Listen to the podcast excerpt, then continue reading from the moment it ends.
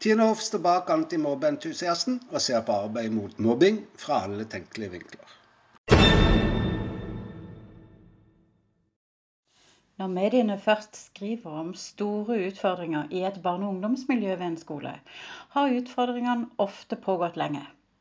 Som ugress kan dårlige miljøer spre seg raskt og resultere i mange involverte om en ikke får bukt med det. Det finnes jo mange eksempler på dette, og ja, akkurat nå er fokuset satt på en sørlandsby og ungdomsmiljøet der. Hva skjer når foreldre og så media kommer på banen. Og hva skal egentlig til for å gjenoppskape trygge og gode skolemiljø? Det er jo ikke slik at barna i hopetall plutselig dukker opp på skolen en dag med negativ holdning, utagerende atferd og kun ute etter å skape utrygge miljøer. Heller starter de i begrenset grad og på et håndterbart nivå. Det er heller når en ikke tar tak med en gang og hver gang at en ser dårlige skolemiljø for å utvikle seg. Og de mange stoppmuligheter passerer forbi. Da gjelder det å få røska opp, tenker jeg. Og det på flere nivåer og områder. Når foreldre da røskes opp og trer inn i skolen, er det ikke helt uten grunn. Til forskjell fra normalen, der foreldre til bare ett barn sier ifra, vil det her være snakk om mange foreldre som blir involvert. Det vi alle burde lære av, er deres raushet om at samtlige barn skal få hjelp. De har et helhetsperspektiv som antimobbesystemet ennå ikke har, og praksis ofte mangler. Nemlig at hele miljøet må bli bra for at hver enkelt elev skal få det bra. Og det, det er oppgaven foreldre mener skolen skal løse. Foreldre stiller gjerne på møter med skolen, der det handler om egne barn. Deretter arrangerer skolen gjerne foreldremøter for klassen, trinnen eller hele skolen. Kanskje hentes også skoleeiers representant inn. Om ikke foreldrene opplever tilstrekkelig respons og får tiltro til at skolen har evne til å få bukt med situasjonen, da tyr foreldre ikke helt sjelden til mediene i et håp om at det skal føre til litt fart i skolen. Og er situasjonen tilstrekkelig spektakulær, hiver også nasjonale medier seg på skriveriene. Det er her, eller herfra og et stykke framover, folkens, hvor voksne følelser tar over fremfor å fokusere på å løse oppgaven om hvordan en sammen skal få til å snu det dårlige skolemiljøet, dreier situasjonen seg plutselig om en kamp mellom voksne. Det er helt tullerusk, faktisk. Kort fortalt får vi altså en utvikling på voksenplan som tar bortkasta tid. Det skjer noe i det samfunnet blir kjent med situasjonen. Skolen ramler fort i forsvarsgropen, Kommunen liker ikke å bli uthengt, og blir fort en kald front mot foreldre. Ja, selv foreldre kan vende seg mot foreldre, særlig, om de, særlig mot de som står i bresjen for endring. Kjenner du mekanismen igjen? Jeg tenker på varselsaker. Der varsler gjøres til syndebukk, og den offentlige vilja til å så tvil ved varslerens fortellinger og karakter er stor. Dette er også en mekanisme som jeg erfarer i mobbesaker, særlig der de trekker ut i tid. Du har også sikkert hørt om de lærersakene som har stått i media de siste årene, som har fått store konsekvenser for den det gjelder. Hvis fokuset heller kunne vært retta mot den tross alt utfordrende oppgaven voksne nå skal løse, hva er det viktigste å ta tak i når skolemiljøet er dårlig? Hvilke endringer må faktisk til? Hvilke prosesser er det snakk om? Hvem må endres, for å si det litt flåsete? Er det kun elevene? Kanskje bare enkelte elever? Eller snakker vi alle elever ved skolen? Hva da med lærerne og øvrige ansatte i skolen? Hva med rektor? Trenger de endring? Hvis ja, hvem sørger for de? Er det andre som bør med i endringsarbeidet? Hva med FAU f.eks.? Hva med foreldre? Hva med helsetjenesten?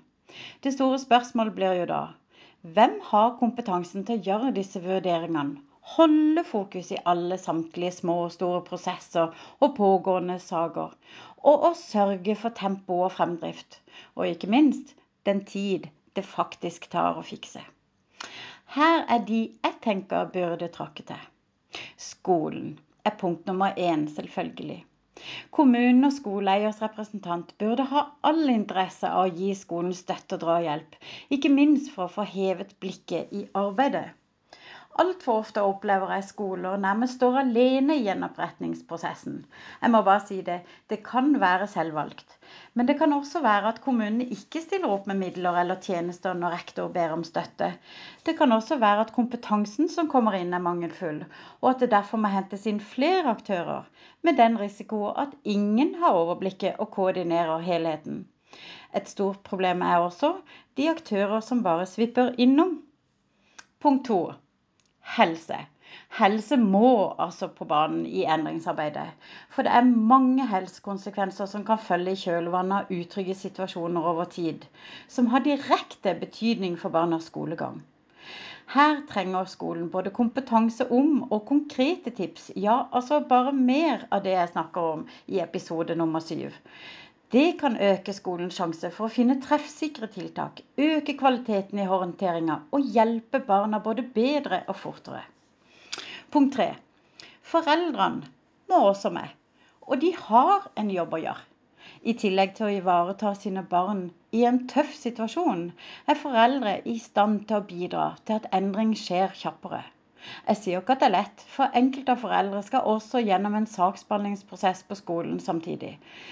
Likevel trengs foreldres evne til å ta gode valg for barna på fritida. Både hva som skal skje og med hvem. Det kan nemlig hjelpe barna. Det er heller ikke til å komme forbi at foreldres valg for seg sjøl også er viktig i denne perioden. Sånn som jeg snakker litt om i episode nummer tre om tips til foreldre. Punkt nummer fire. Foreldre er jo også organisert i skolesammenheng. Ja, jeg tenker på FAU. FAU må også med i endringsarbeidet, og er kanskje den som burde gjøre seg aktuell i endringsarbeidet. Hvor var FAU i perioden skolemiljøet fikk utvikle seg i negativ retning? Hvilke muligheter har FAU til å bistå? Hvor bør fokuset være? Hvordan kan FAU ta tak i kampen når foreldre kommer på banen, og når foreldre deler seg og danner grupper? Hvilken rolle kan FAU spille i gjenopprettingsprosessen, som får positiv effekt på barnas miljø, for foreldremiljøet og mellom familier og skolen? Jeg tillater meg å snakke litt opp FAU her, og særlig FAUs mange muligheter, ofte uutnyttet. Med konkrete strategier kan både FAU bli en viktig brikke i det å sørge for gode miljøer, det å ta tak i utfordringer når de dukker opp, og til å skape endring og direkte effekt på barnas ve og vel. Det kan igjen resultere i at FAU kan befeste sin betydning som limet mellom hjem og skole. Og det er jo viktig i det nasjonale forsøket på å skvise foreldre ut av skolen.